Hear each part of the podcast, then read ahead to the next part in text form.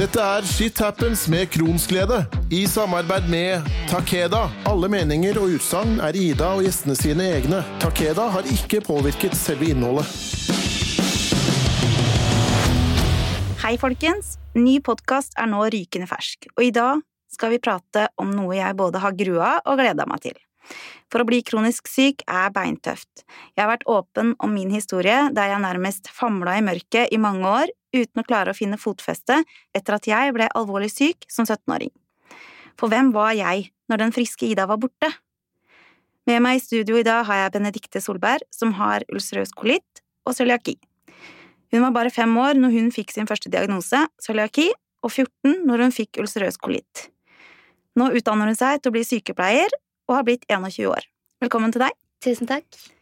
Vi har også med oss Magnus Jørgensen, som er marketingpsykolog hos Lifekeys. Han er 27 år, opprinnelig fra Danmark, men flytta til Norge i september 2019. Velkommen til deg, Magnus. Takk skal du ha. Takk. Sammen skal vi prøve å gi dere som hører på, både egenopplevde historier og hvordan vi kan ta grep slik at vi kanskje kan bli kronisk lykkelige. Jeg var 17 år når jeg ble syk med morbus Crohn, og du var vel 14 eh, år? Stemmer. Felles for oss begge var det nok at eh, dette ikke helt var etter planen.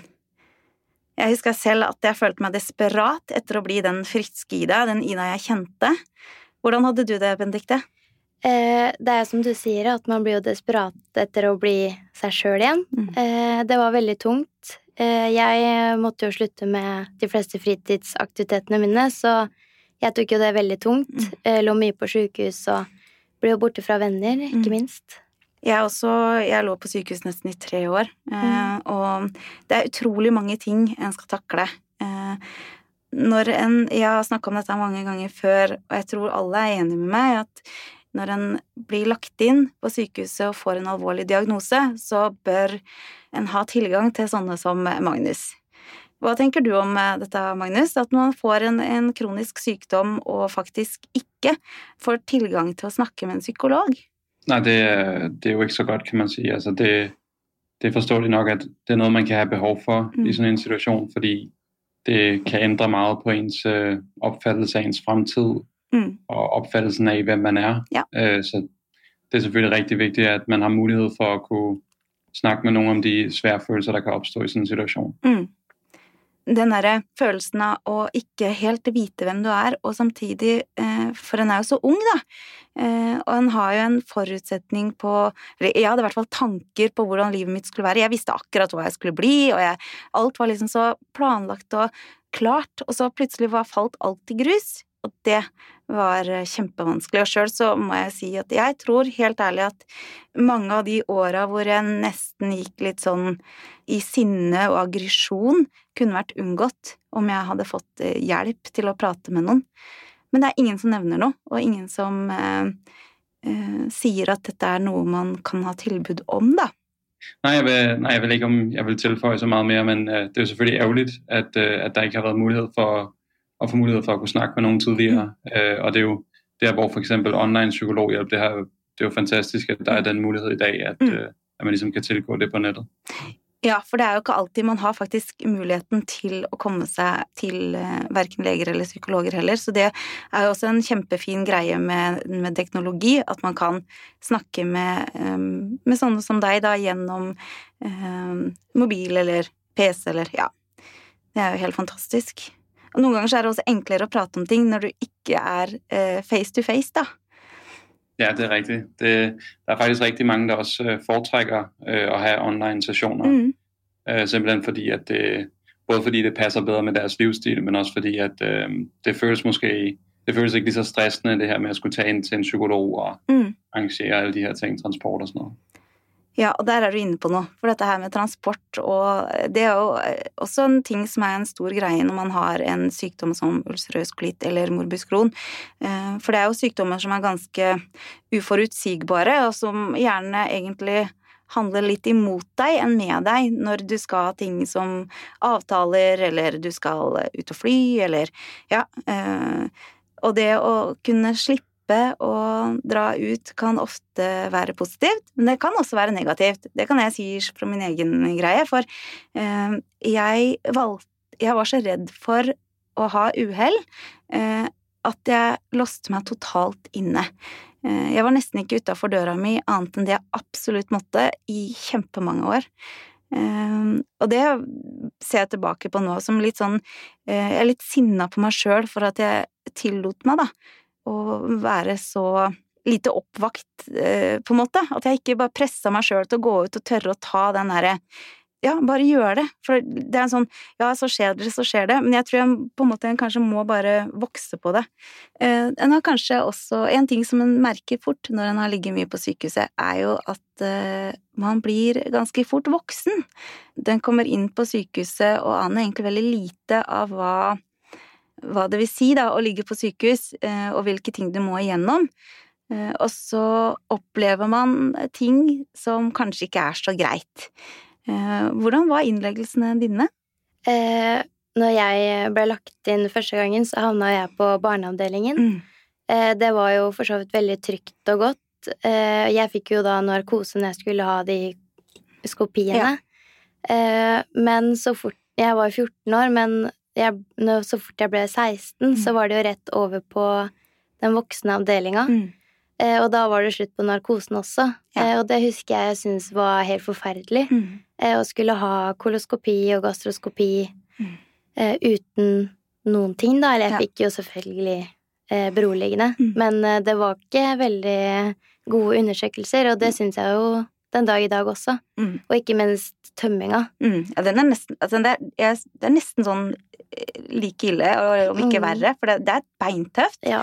Det er så vondt at uh, Og så blir en kjempesliten, og så skal du mm. da attpåtil ha krefter til å gjennomføre det du skal etterpå. Mm. Og så er det jo ikke sånn at du har masse krefter fra før heller. Du er jo ganske sliten. Uh, og det, jeg pleier å si at undersøkelser er litt sånn frivillig tvang, fordi jeg husker veldig godt jeg fikk beskjed om at uh, vil du ikke bli frisk? Uh, når jeg på en måte sa at jeg syns dette er vanskelig, jeg har ikke lyst til å gjøre det, eller Og selvfølgelig har man lyst til å bli frisk, og man gjennomfører de undersøkelsene, men det er overhodet ikke godt. Det er det ikke. Det, og jeg mener jo fortsatt at alle bør få det under full narkose. Det er jeg veldig enig i. Uh, og jeg har jo også hatt episoder der jeg ble lagt inn, og de bestemte seg for å ta skopier, mm. men at uh, de ikke hadde plass til meg over natta. Mm. Så jeg ble jo sendt hjem, uh, og da hadde jeg jo allerede tatt første mm. dose, og det endte jo med da uhell i bilen, uh, selv om jeg sa at det her kommer ikke til å gå, at jeg kjører hjem. Men allikevel så gjorde jo det, og det gjorde jo opplevelsen enda mm. verre enn den den er fra før. Mm. Det er kjempevanskelig. Mm det her med å ta eh, undersøkelser som er såpass vonde, kan jo i seg sjøl gi traumatiske opplevelser. Eh, men jeg vil jo si at for min del, og for veldig mange andre sin del, nå har jeg fått mange eh, beskjeder fra veldig, veldig mange mennesker, og de sier at det aller verste er kanskje eh, følelsen av å ikke bli helt verdsatt som menneske, da, eller du blir kanskje holdt fast hvis du skriker, du blir snakka litt nedlatende til. Det er ikke alle som opplever det, men det er mange. Mm. Og følelsen av ikke å ha kontroll på egen kropp. Eh, jeg, jeg, følte jo, husker jeg, at jeg gikk inn der som et barn og ut som et voksent menneske, og veldig traumatisert. Eh, mm. Og fortsatt så sliter jeg med å ta disse undersøkelsene. Mm. For helt panikk og følelsen av at dette her har jeg ikke lyst til å være med på jeg bare føler at dette her er helt feil, å gjennomføre det på den måten. Hva mm. tenker du om, eh, om det, Magnus?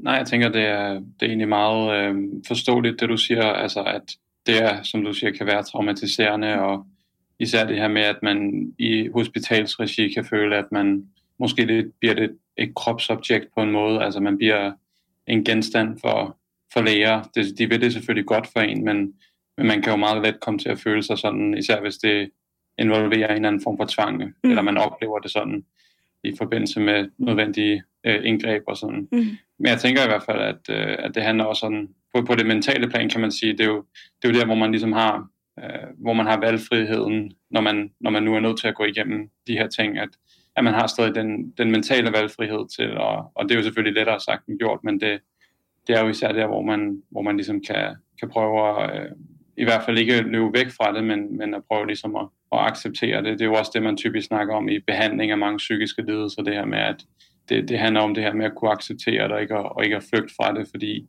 det er når vi først begynder liksom at flygte fra det, eller vi, mm. vi ikke vil tænke på det, eller vi, vi, det er ligesom der, hvor det bliver forværet på en måde, kan man sige. Men at hvis man i stedet for ligesom kan arbejde med det her med bare ligesom at, at acceptere det, og ikke, øh, ikke engagere sig for meget i det, ikke nødvendigvis gruble så meget over det, men at man ligesom man bare finder sig i at være i det på en måde. Det, det er i hvert fald noget, som jeg ved er noget, som, som mange psykologer snakker om, mm. når de snakker med, med patienter, og det, både når det er krons, men også når det er andre forskellige kroniske lidelser og sådan noget.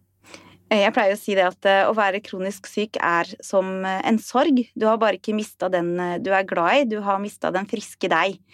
Men det er mm. først når du da klarer å godta det, og slutte å strebe etter den friske deg, at du vil få det mye lettere. Og det skulle jeg ønske en, Det er akkurat det du snakker om nå, og det skulle jeg ønske en psykolog hadde satt, sagt til meg da når jeg var 17 og lå i den senga og var helt utslitt, ikke bare av det fysiske, men kanskje mest av det psykiske. Den derre eh, Hva blir det av meg nå?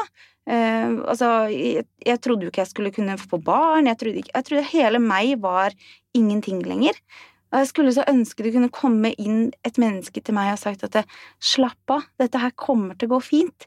Ja, så blei ikke livet ditt helt sånn som du hadde tenkt, da, men det kan gå så bra for det hvis du bare klarer å se de ut Altså, det er noe med det der de, um, Det utgangspunktet du har, da, å ta, ta, ta, et utgangspunkt i det, holdt jeg på å si. Ja, ja altså det, det, det, det er veldig fin mening, det du sier. At, uh, og jeg tror det, det gjelder for alle, altså, uansett hva det er man kommer igjennom i livet. at der kan være den der følelse av tap, altså følelse av noe der kunne ha vært. og og det tenker jeg også i forbindelse med. For depresjon, som jo er en av de mest utbredte psykiske lidelser. Det her med at folk de liksom, de taper et eller annet. Det kan være fordi at det kan jo også være tilfælde med folk, der måske er involveret i trafikuheld, eller folk, der bliver skilt, eller, eller sådan noget der. Altså, det der med, at hvis man holder meget fast i den, den tidligere forestilling, man havde, den tidligere idé om, hvordan tingene kunne blive, mm. jamen så er det netop, at depressionen den får et, et, øh, et underlag, eller en, en grobund, kan man sige. Mm. Og der er det jo det her med, at der er jo mange måder, man kan leve sit liv på. Altså, og vi alle mennesker får ar, både fysiske og psykiske, i løbet af livet. Mm. Øhm, og der er ligesom mange måder, man kan, man kan indrette sit liv på, øhm, som jeg tror, at, at det er jo selvfølgelig det, som kan være svært at, at, ligesom, at, være klar over, når man er i sådan nogle situationer, mm. hvor at man føler, at øh, nu bliver livet lige taget væk fra en på en eller anden måde. Ja, nei, det, det, er meget forståelig det du sier. Det er det. Så er det forskjell, tenker jeg, på å være eh, voksen når du blir syk, og det å være barn. Eh, jeg husker også første gang jeg skulle gå på offentlig toalett etter at jeg hadde fått eh, Mørbus Crohn, fordi eh, jeg hadde aldri tenkt tanken på at det skulle være så høy lyd, at det kom så mye lyd, og hvor flau jeg var over noe som er så naturlig. Altså, kongen går på do. Vi er, vi er alle på do. Allikevel så er det noe i oss mennesker som gjør at vi skjems over de lydene som er helt naturlige. Har du hatt det sånn, Benedicte? Benedikte? Eh, ja, jeg har følt veldig på det. Mm. Sånn som nå har det jo blitt bedre med tida, men i starten så var det helt grusomt. Mm. Eh, så jeg lærte meg jo forskjellige teknikker som jeg mm. kunne bruke da når jeg var på offentlige toaletter. Mm. Også hvis jeg var hos venninner mm. eller ja, hvor vi var, da. Eh, Satt du på vann og sånn, eller? Ja, ja. veldig mye. Satte på vannet og hadde alltid papir i mm. doen. Mm. Ja, hadde, og så tok jeg ofte beina opp hvis mm. det skulle komme et lyd, da, så mm. kunne ingen kjenne igjen mm. eh, skoene mine. Mm. Ja, veldig mye rart jeg gjorde der. Hva tenker du når du hører, hører det? Er, det? er, det? greit at man skal ha det sånn? Altså, jeg tenker jo at det er jo fordi at, at det er en annen følelse av stigma forbundet med det. Altså, stigma det her med at man føler at man man er afvigende på en eller anden måde. Mm. Og det er, jo, det er jo noget, som vi også ser med folk, der har mangler et ben, eller folk, der har en eller anden, anden fysisk forskel fra andre. Det kan også være igennem lyd, for eksempel, og sådan mm. noget der. Så den her følelse af, at man, ligesom, man, man forsøger ligesom at passe ind og sådan noget der, den er, det er en meget naturlig reaktion at have.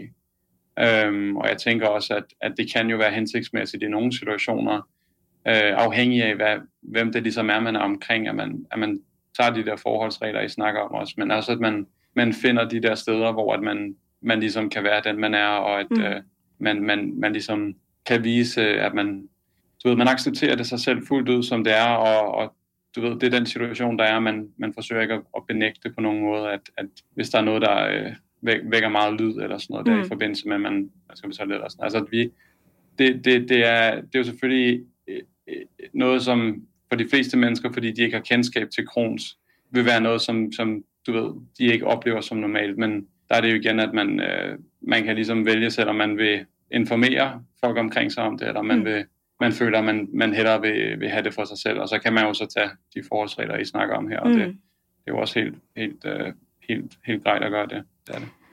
For jeg husker veldig godt eh, De som har hørt på podkasten min, og første episode har jo kanskje hørt eh, min episode som eh, satt mest spor for meg, da. Det var jo å være på bussen, en full skolebuss, hvor jeg da rett og slett hadde tidenes uhell.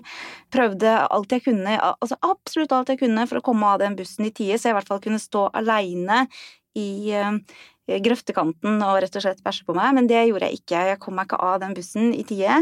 Og den følelsen, den har rett og slett eh, gjort noe med meg som menneske. For det er noe som skjer, spesielt med ungdom, eh, når de ser andre drite seg ut, rett og slett. Eh, og det De ler. Mm. og det er kanskje den mest vonde følelsen en kan ha i en sånn situasjon. At andre ler av noe som er så ukontrollerbart. Da. og noe som jeg på den tida hata så mye. Eh, hvordan har du hatt det i forhold til uhell og sånn, eh, Benedicte? Det har ikke vært lett. Nei. Eh, jeg husker på videregående så har det jo vært kommentarer og stikk opp igjennom. Ikke mye, altså, men de som kom, mm. de satte seg mm. godt. Og det var fra klassekamerater eller de jeg gikk sammen med, da. Mm. Så det, det syns jeg var veldig vanskelig. Og da gikk det et rykte på skolen om at jeg gikk rundt og gjorde på meg, da. Eh, og det er ikke veldig kult Nei. å være 16-17 og ha det på seg. Men eh, så ble jeg pusha litt hjemme da, til å stå opp for meg sjøl og, mm. og, si høyt at hvis du lurer på noe med meg eller min sykdom, så mm. kan jeg fortelle deg det. Mm. Eller skrive ut en brosjyre til deg, mm. eller Og etter det så fikk jeg jo mer respekt og mm. mye mer forståelse eh, fra de i klassen. Mm. Men det er fortsatt Det, det sitter langt inne. Eh, og det er absolutt eh, ukomfortabelt å ha uhell i offentligheten. Jeg har jo jeg sittet flere ganger i bilen, for eksempel, eh, og hatt uhell der. Da jeg har hoppa bak i bagasjerommet for å på en måte gjemme meg litt. Mm. Men det er en veldig dårlig følelse. Mm. Så ja, den er vanskelig, og, og skal da liksom få hjelp da, til å komme seg ut av situasjonen, mm. så må du på en måte ha noen som hjelper deg når du står Og du er på de mest, ja. sårbare. Ja. Det er kjempevanskelig. Så det er veldig, veldig tungt. Mm. Eh, men samtidig så må man Jeg har lært meg bare å må omstille meg og prøve å bare tenke at jeg må gjøre det beste ut av det. Mm. En må bare finne sin måte å løse det på, rett og slett. Men, eh, og det, det er i forhold til å skulle eh, fortelle om sykdommen eller ikke fortelle, er jo også en eh, vanskelig greie. Når eh, skal man ta det steget og fortelle? Eh, jeg husker veldig godt når jeg var sammen med han som jeg er sammen med nå, pappaen til mine fire barn. Da eh, hadde vi vært sammen eh, en liten stund, og det var på en måte ikke til å unngå at jeg måtte fortelle noe. Jeg grua meg så forferdelig og tenkte at nå var det enten eller. Enten så kom dette til å gå bra, eller så bare kasta han meg ut. Det var mine tanker. Og jeg husker jeg fortalte det som på en måte så Jeg er nødt til å fortelle deg noe. Det er en helt forferdelig ting. Og jeg skjønner godt om det vil gå. Altså, sa gråtekvalt og helt Ja. Eh, og så fortalte han da at, eh, at jeg hadde morbus Crohn, eh, og hva det ville si. Og han sa ingenting mens jeg fortalte, og jeg skreik, og det var bare Ja. Og så, når jeg var ferdig, så satt jeg og venta på en ereksjon, og så strøyk jeg meg på ryggen, så var det det du skulle fortelle? Det er jo ikke noe farlig. Og jeg så var bare Alt jeg hadde bygd opp av sånne farlige stemmer og ting eh, ble jo bare borte. Jeg skulle jo ønske jeg hadde sagt det før. Mm. Hva tenker du, Magnus? Eh, bør vi snakke mer om det til de rundt oss, eller bør vi holde det inne? Det, det tenker jeg er meget individuelt mm. øh, hvem, hvem, man velger å si det til, og hvis man velger å si det. Men jeg tenker i hvert fall at på det sånn rent tankemessige plan, der det her med, at man har tanker, der dukker opp, altså også omkring det her med, hva nu hvis jeg sier det, eller hva nu hvis der oppstår en episode, hvor mm. det måske ufrivilligt bliver afsløret, at, altså, mod min hensikt, at, at, øh, at jeg har en, en kronisk sygdom. Mm. At der, der kan være mange forskellige tanker, man har, men, men de her tanker, der dukker op, øh, det er ikke nødvendigvis nogen, som, som øh, man behøver at give så meget opmærksomhed. Og det, det er jo noget, der selvfølgelig er lettere sagt end gjort igjen, men det er jo det her med, at hvis man ser negative tanker litt som sådan en, en mygg der kommer og irriterer en, f.eks. Mm. på en sommeraften, mm. som blir ved med å sværme rundt om en og sette seg, øh, og så til sist stikker en, så man får et, et bid, jamen øh, så er det man har naturlig trang til å klø mm. i det øh, mm. sår. Men øh, det er litt på samme måte med de negative tanker. Man har en trang til lige så snart de dukker opp, at man skal forholde seg til dem, og man skal ta stilling til når er det, er det sant, eller hva, hva, hva sker der hvis det sker? Og man kan meget lett komme til å gjøre tingene verre enn de behøver å være hvis man forholder seg for mye til dem. Mm. Så det her med hvis man liksom kan prøve å liksom si tankene er der. Der vil både være negative og positive tanker, men, men det er ikke noe der krever Jeg er ikke, jeg er ikke tvunget til å, å forholde meg til dem. Altså, jeg kan, jeg kan velge å ha min opmærksomhed rettet ut mot, øh, mod de mennesker jeg er sammen med, for eksempel. det var en Når jeg skulle informere om denne podkasten, så var det ei dame som At vi skulle spille inn denne så var det en dame som sa til meg at det eneste ordet jeg kan beskrive det å få IBD på, er livssorg. Fordi at det har vært en så stor sorg over det livet jeg ikke fikk. Og det må jeg jo si at det kan jeg jo kjenne meg veldig igjen i. Når man har det, det tungst og vanskelig, så kan jeg sette meg og tenke tilbake på åh, eh, hvor hadde jeg vært nå om jeg ikke hadde fått den sykdommen? Hadde jeg vært i jobb, ikke sant, for jeg har blitt ufør? Eh, og så får man seg til å tenke veldig negativt på den personen man har blitt da, på grunn av sykdommen. Jeg vet ikke, Har du tenkt på det som en livssorg innimellom? Ja, jeg har jo det, men eh, ikke på samme måte, tror jeg. Nei. For jeg har som regel prøvd å tenke andre veien, på en mm. måte. Mm. Men det kan være fordi at jeg var så ung. Mm. Eh, og når jeg var 14 år, så hadde jo ikke jeg peiling på Nei. hva livet mitt skulle Nei, bringe. Nei. Så jeg har jo på en måte vokst opp litt med den situasjonen jeg er i.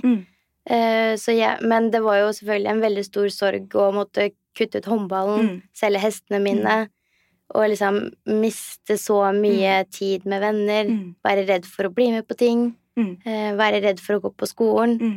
være redd for å ta buss. Ja. Så det er liksom Ja, den bussen er jo ja. Det er på en måte mm. ja, min sorg, da, mm. på en måte. Eh, men hvordan skal man da håndtere det når livet plutselig blir helt annerledes enn det man hadde tenkt? Ja, altså, jeg, jeg tenker at det, det, er jo klart at der vil, der vil være negative følelser øh, hvis man får vite at man har en kronisk sykdom. Det, mm. det er klart at der vil være negative følelser, og, og det er selvfølgelig noe som, som man liksom må mm, Hva skal man si det, det, er viktig, tror jeg, det her med å kunne akseptere det. Sånn, det. Det lyder meget banalt, men det her med at man liksom man accepterer, hvis man, de følelser man har, mm. øhm, og, og accepterer det tab, man føler. Men også at, at man tenker det her med at det, det, er også det jeg snakker om før, det her med de negative tanker der dukker opp. Altså Hvis man har de her tanker der dukker opp en gang imellom, øhm, og det har alle mennesker jo, der føler de har, eller der har opplevd at, å miste noe, enten øh, en, en fremtid eller en drøm, eller mm. øh, altså de, de, her tanker de vil jo komme og gå, og de kommer helt frivilligt øh, av deres egen vilje og mm. kommer og går. Og der er ikke riktig noe vi kan gjøre for å styre dem. Øhm, men vi kan, liksom hvis vi står og, og kigger på sådan rolling sushi-bånd med, med sushi-bidder, ja. mm. så kan vi selv vælge, øh, hvilke af de bidder vi tager. Mm. Altså vi, vi, vi har selv den, det frie valg til, mm. hvad er det for nogle tanker, som vi vælger at engagere os med, hvad er det for nogle tanker, som vi, vi går rundt og bekymrer os over og sådan. Og, øh, og det, det, det tænker jeg i hvert fald et sted at starte, det det her med at sige, at man accepterer, at, at nu nu er det en annen situasjon, og fremtiden ser annerledes ut. Mm. Øh, og så at, øh, at, at, de her tanker de nok stadig vil, vil dukke opp en gang imellom, og det, det er helt ok. Ja, øh, det er jo litt viktig å gå litt i kjelleren også når man har fått en alvorlig sykdom. Det er viktig å ta seg tid til å kjenne på de vonde følelsene. Men jeg har pleid å si at eh, vi må bare ikke bli i den mørke kjelleren for lenge. For det er jo noe med at eh, dyrker man det vonde og triste, så vil eh, Jeg har pleid å Jeg sånn sammenligner ting med, med ja, at det blir litt lettere å forstå, men jeg pleier å si at det, vonde, altså det blir litt som eh, at vi mennesker blir som øynene våre, for øynene tilpasser seg mørket etter en stund. Eh, og lyset vil da plutselig føles veldig ubehagelig og vondt. Og det er jo det litt viktig å unngå. Derfor så kan man godt gå i kjelleren, men bare komme seg fort opp igjen, sånn at en unngår både depresjoner og angst. Da. For den blir jo liksom fort tilvendt, og det gjorde i hvert fall jeg. Jeg blei bare mer og mer negativ jo lenger i det her eh, mørket jeg var, da. Eh, og det blei enda vanskeligere å komme ut av det òg. Jeg brukte jo lang tid før jeg på en måte klarte å se at hei, det er faktisk et bra liv. Du har ansvar over det livet du har. Du kan ikke drive og skylde på alle andre. Det er på en måte, Dette her er ditt liv. Det er i dag du lever, ikke det livet du ikke har hatt lenger, da. Det virker jo som du har hatt ganske grei kål på det, da, i forhold til det, Benedicte. Eh, ja, jeg har eh, gått med den tanken at i, med den sykdommen her, så har i hvert fall jeg har veldig svingende opp- og ned-perioder. Mm. Jeg syns jo at de dårlige periodene mine er ekstremt lange, mm. men samtidig så jobber jeg med det at jeg skal bli bedre. Mm. Jeg kommer i en god periode igjen. Men det var veldig lett eh, syns jeg, i starten, når jeg da kom i den gode mm. perioden, mm. og tenke at yes, mm. nå er jeg tilbake igjen, nå mm. kan jeg liksom begynne å være aktiv og eh, gå på skolen uten å mm. tenke på at jeg må på do og mm. sånn. Eh, men så kom jeg ned i den dårlige perioden igjen, og jo flere dårligere perioder jeg har hatt nå, jo vanskeligere er det i den gode perioden, for jeg tenker hele tida på å, nå må jeg på do, er det like vondt som det pleier å være, når skal det være så vondt igjen at jeg svimmer av på do?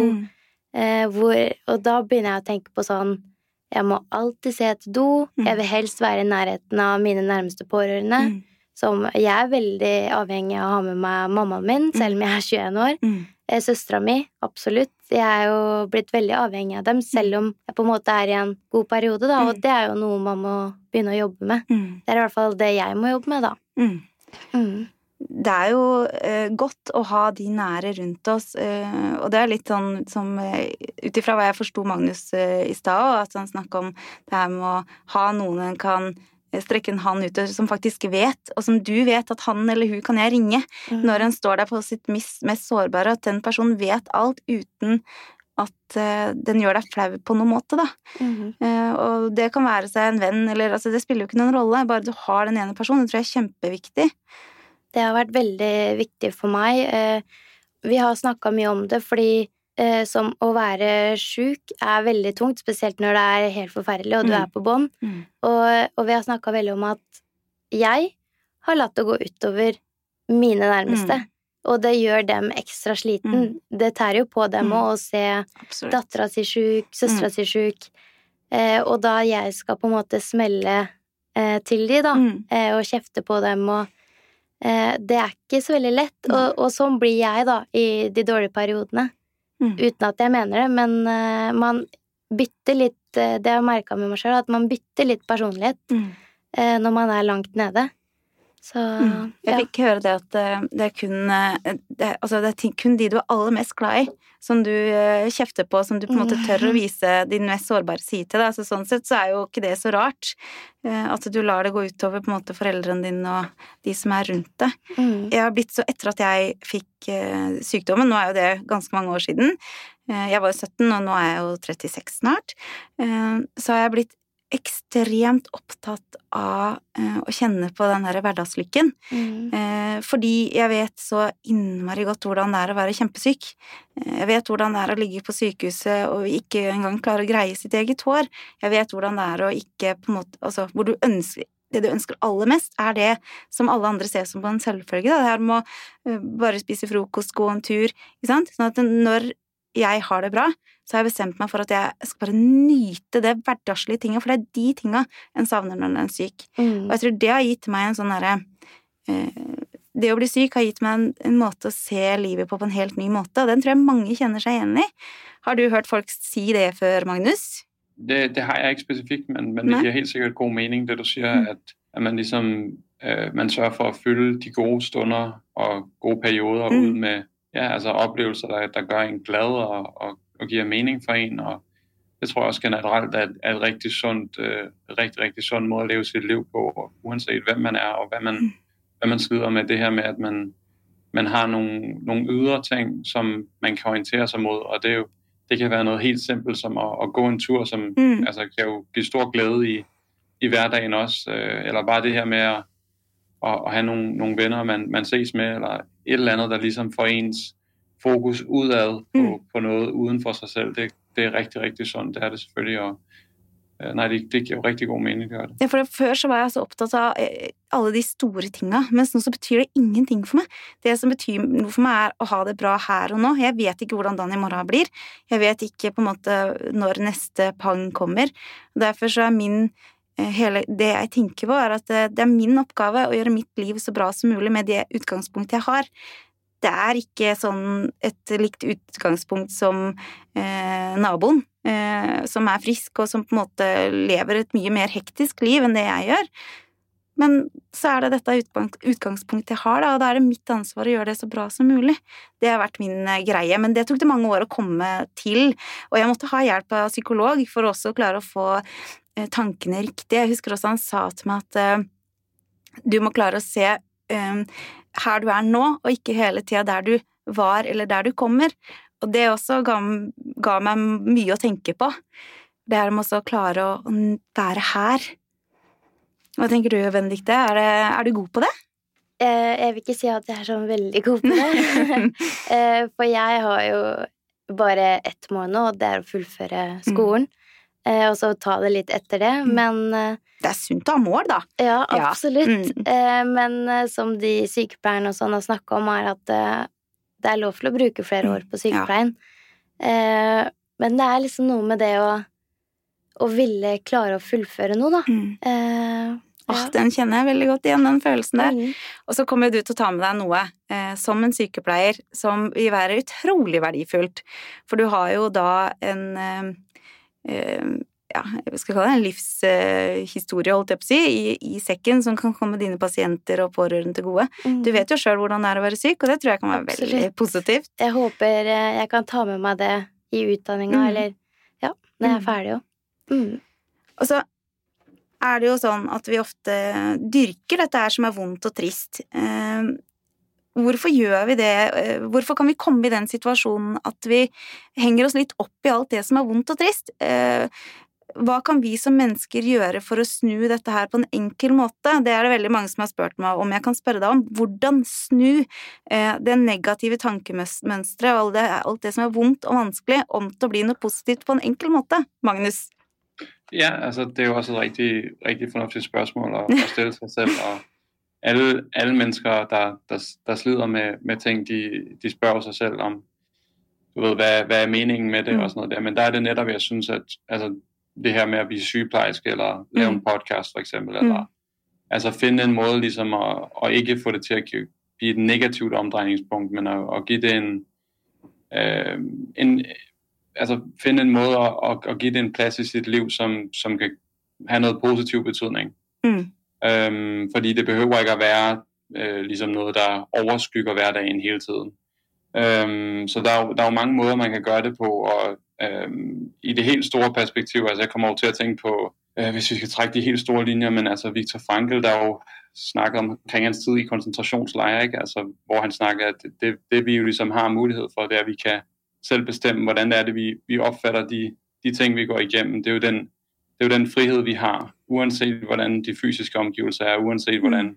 hvilken fysisk forfatning vi er i, så har vi den mulighed for at kunne bestemme, hvilken mening det er, vi tillægger tingene.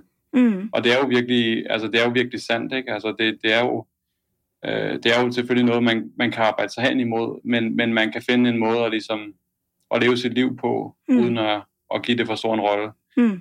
Øhm, og det kan jo også være det her med, at man ikke at man ikke nødvendigvis i dagligdagen går rundt og, og kategoriserer oplevelser i dårlige og gode oplevelser, fordi det her med, at vi hele tiden skal sige noget er godt eller noget det er skidt, det, mm. det kan også være med til at gøre, at man har mange negative følelser mm. omkring tingene. Men at man ligesom også kan vælge det her med at være mere konstaterende og ligesom konstatere tingene, som de er, men, men ikke nødvendigvis sætte et, uh, sætte et uh, prædikat på og sige, at det er godt eller skidt. Mm. Ja, og så eh, skal vi innom noe vi har vært så vidt litt innom det allerede, dette her med å bruke beskyttelses... Eh, både utstyr og eh, andre ting. Og aller først har jeg lyst til å starte med å gi deg et spørsmål fra en som ønsker å være anonym. Det er en, en mann. Um, og dette er til deg, Magnus. Jeg bare leser opp det han har skrevet. Det å isolere seg av frykt for uhell er en vanskelig problemstilling for oss med IBD. For mange har det å bruke bleier i dårlige perioder vært helt nødvendig for å unngå isolasjon, som igjen av erfaring fort kan lede til depresjon om en ikke tar tak. Selv om vi rasjonelt ikke har problem med å se behovet, er det et enormt steg å ta. Har du noen råd eller teknikker som kan ufarliggjøre dette og gjøre steget lettere? Det å ta på seg en bleie er eh, jeg tror uavhengig om du er mann eller dame, eh, som på en måte en oppegående, vanlig menneske, kjempevanskelig. Fordi jeg virker så Vi er oppvokst med at dette her er jo for barn.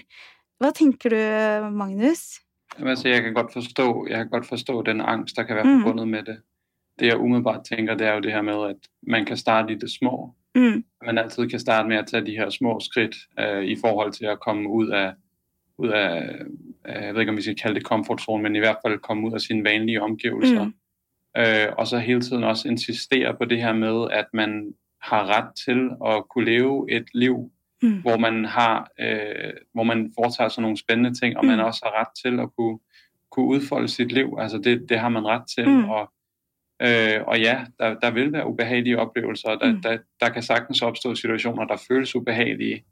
Men hvad skal man sige, øh, selvom vi har de her oplevelser, vi også måske føler fysisk ubehag, og, og vi kan have episoder, som du også fortalte om det her med, med på bussen, altså at, øh, at de her situationer kan opstå, mm. men, men det er samtidig vigtigt at insistere på det der med, at, at øh, man kan godt leve sit liv, om, og selvom man har de oplevelser, jamen de følelser, de kommer til at falde igen. Mm. Altså der er ikke nogen følelser, der er på, på, et, på et højt intensitetsniveau øh, hele tiden følelser de skifter hele tiden. Ja. Øh, og det tror jeg er rigtig vigtigt, det her med, at man, øh, man ligesom beslutter sig for, at, øh, at man egentlig man kan godt udfolde sit liv, og det skal man også gøre, mm. og man skal fylde sit liv med ting, der giver mening. Øh, og livet, det, det er op og ned, mm. og der er ubehagelige oplevelser. Det er der, mm. det er der for, for alle mennesker. Vi får det i forskellige doser, i mm. forskellige perioder af livet. Øhm, men, men jeg vil sige, tag det, tag det stille og roligt, tag det i det små, og, mm. og tag det små skridt først, og man, Øh, men, men altså ligesom insistere på det. Insistere på, at man, man skal have lov til at, at have nogle fritidsaktiviteter. Man skal have lov til at gøre ting, som man gerne vil. Det synes jeg. Mm. Du var ganske tøff øh, der, Benedikte. Du la ut en øh, filmsnutt, var det det, på Instagram. Stemmer. Fortell litt om det. Eh, ja. Eh, jeg har jo fått flere kommentarer om at ja, men herregud, du ser jo ikke sjuk ut, mm. og nei, det kan ikke stemme at det er sånn som mm. du forteller. Mm da tenkte jeg at eh, nå skal jeg vise de som følger meg da, mm. på Instagram, eh, hvordan det faktisk ser ut i bilen min. Mm. Eh, og da er det rett og slett eh, flere sånne kladder som mm. man kan få på sjukehuset, ja, eller kjøpe i Apoteket og sånne ting? Ja. ja. Mm. Eh, og så har jeg våtservietter, dopapir, flere poser. Mm.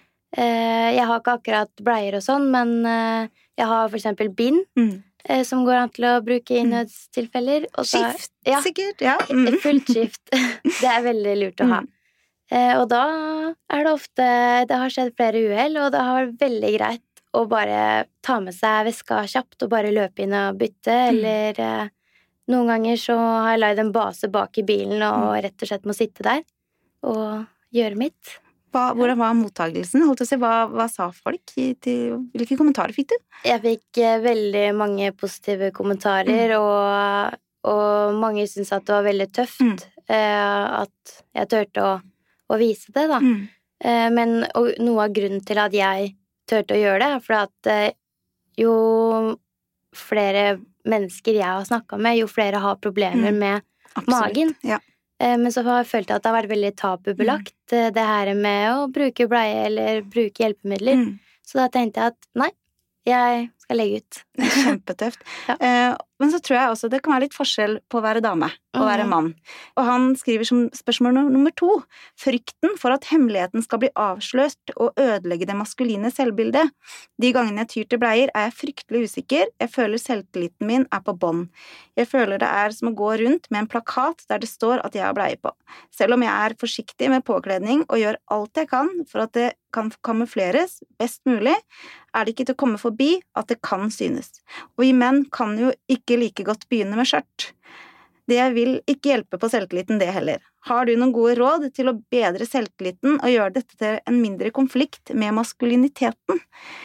Altså jeg kan godt forstå, at i, i forhold til de her klassiske mannsidealer, Mm. så oppfatter man det måske ikke som, som maskulint, men på den annen side, så er det også riktig mange måter man kan være mann på i dag, Mm. og øh, det er også bare viktig at øh, man prøver å fagne det, øh, og ligesom forstår, at man ikke behøver nødvendigvis at, at passe på den helt klassiske stereotype forståelse af, af mænd øh, om mandlige kontroller. Mm. Øhm, så jamen, altså, jeg vil sige igen, det er et spørgsmål om det her med at, at, ligesom, at åbne det, fordi lige så snart det er, man ligesom har accepteret det selv, og man ligesom siger, at øh, øh, det her med, at, øh, at det, det er jo som det er.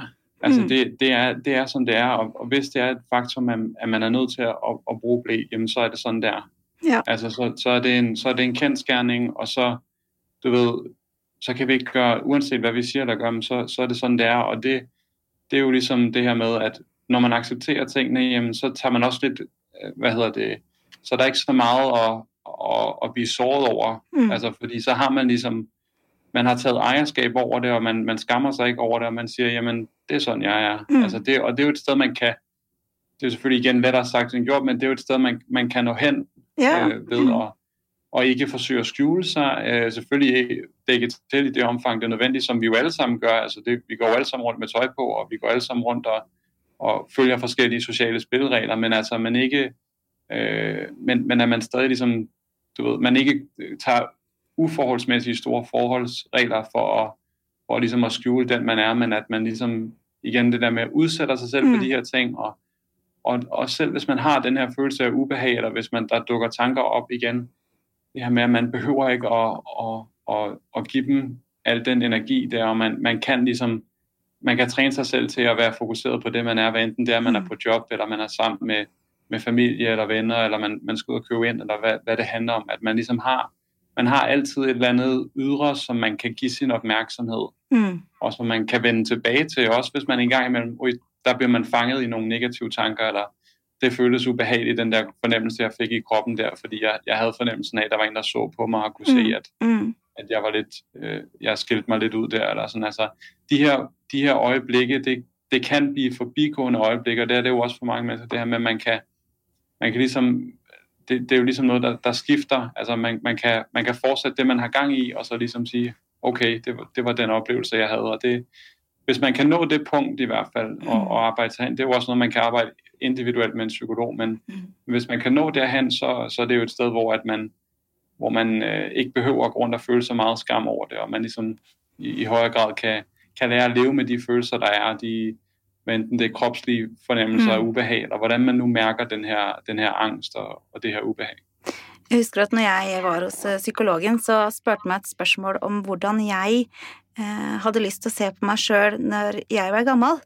Eh, og det var et spørsmål jeg syntes var veldig rart, men jeg skjønner det veldig godt nå. For når jeg, etter å ha tenkt mye på det, så er det klart at når jeg blir gammel, så ønsker jeg å sitte i en gyngestol og smile og se tilbake på alt jeg har fått til, på tross av både sykdommer og alt det negative og, som har truffet meg i livet, da. Jeg ønsker å være stolt og, og på en måte se for et fantastisk liv jeg har levd eh, på tross av alt jeg har hatt, ikke på en måte sitte og, i den gyngestolen og angre for alt det jeg ikke har fått gjort fordi at sykdommen har hindra meg i det. Um, og det har hjulpet meg veldig mye, å sitte og tenke på at hva ville jeg, hva ville jeg gjort uh, hvis jeg nå var en gammel dame? Hvilken hva ville jeg gjort i denne situasjonen? Um, jeg husker veldig godt første gang jeg gikk eh, over Hardangervidda, det var en av de tinga jeg aldri trodde jeg skulle klare å gjøre. Eh, Det, var, det er noe jeg er veldig glad i, å gå tur. Og når jeg ble syk, så blei det et no-no, rett og slett. Og den følelsen av mestring når jeg gikk over den Har- Hardangervidda For det første hadde jeg pakka med meg alt jeg trengte for å klare den turen. Men det ble en sånn eh, vekker for meg med at søren heller, jeg kan faktisk klare alt. Det handler om tilrettelegging, og det handler om å på en måte ta gode valg da, i både forkant og etterkant. Og så handler det også om at det er ikke farlig å snuble. Ja vel, men jeg vil heller på en måte leve livet og så dette om å snuble noen ganger og reise meg opp igjen, enn å ikke tørre å leve i det hele tatt. Og jeg tror du også er litt der, Benedikte. Jeg tror du også har på en måte slipt å leve eh, et liv hvor du bare ikke gjør noe. Det virker som du er, har det bra. Ja, eh, jeg har det veldig bra mm. i gode perioder mm. og sånn, eh, og jeg er veldig opptatt av det du sier, da, å prøve å ja, tilrettelegge, men mm. Jeg har vært med Jeg gikk jo idrettsfag, mm. vært med på alle skoleturer mm. og gikk på snøhuletur og det ble selvfølgelig tilrettelagt, mm. men det gikk bra. Selv om at ja, man må sette seg på mm. huk kanskje mm. fem ganger mm. eller åtte ganger mer enn de andre, men, men alle gjorde det jo. Selv om jeg måtte gjøre det åtte ganger flere, mer, da. Ja. Så ja, det går bra. Det er lov til å prate med noen, eh, og det er lov Man kan dele det man vil med de man vil, eh, og at det er ikke farlig å prøve, tenker jeg jo. Ha med deg skift, og så pleier det som regel å gå bra. Det er helt enig med deg. Og så tenker jeg det her med venner og hvis ikke de godtar det, mm. så er det ok, greit. Jeg har flere venner, ja. eller ja. Da finner man noen andre. Ja, absolutt. Ja, jeg er helt enig. Så det er viktig at de godtar deg da, mm. for den du er. Mm. Og så er det viktig å tenke på at sykdommen er ikke deg som menneske. Mm. Du er så mye mer enn sykdom, og det er jo kjempeviktig at andre ser deg som også eh, som deg, og ikke som sykdom. At vi klarer å eh, være med på ting, at andre klarer å tillate deg òg, og ikke hele tida spørre om hvordan du har det, men heller la, la, deg på en måte komme når ting ikke er helt greit, da. Mm. La oss få lov til å være friske når vi ønsker, og la oss ta av maska når vi sjøl har lyst. Jeg snakker mye om den maska, men det er med mm vi er gode på å ta på oss maska og late som vi er friske, og så tar vi den av når vi sjøl har lyst, rett og slett. slett. Ja. Tida har gått uh, altfor fort. Jeg tror vi rett og slett må sette en strek. Jeg pleier å avslutte mine foredrag der jeg forteller min historie fra starten, da jeg strevde med å finne plassen min i verden med sykdom, til den Ide er i dag, med et lite sitat. Et sitat uh, jeg tror noen kan kjenne seg igjen i. Jeg har gjort den litt, litt om, men sånn er den. Eh, livet er ingen dans på roser, jeg vil heller si at det er en dans på en tornete stilk. Men jeg har bestemt meg for å rocke den stilken, for innimellom de tornene er det en rein stilk, og den er det verdt å kjempe for. For livet ble annerledes enn jeg hadde sett for meg, men annerledes kan være utrolig bra, om annerledes er det utgangspunktet du har. Tusen takk til mine fantastiske gjester. Takk for meg. Takk for det setter utrolig pris for at dere stilte opp i dag. Det er et eh, viktig, viktig tema, og vi kunne sitte og prate i lang tid. Ja. Om du nå sitter og tenker og kanskje ønsker foredrag, eller ønsker andre tips til tema vi kan ta opp, eller har bare lyst til å prate om noe av det vi har pratet om i dag, så ta kontakt på kronsglede.alfakrølloutlock.com. Jeg er også på Facebook og Instagram som Kronsglede. Søk meg opp og lik gjerne siden min.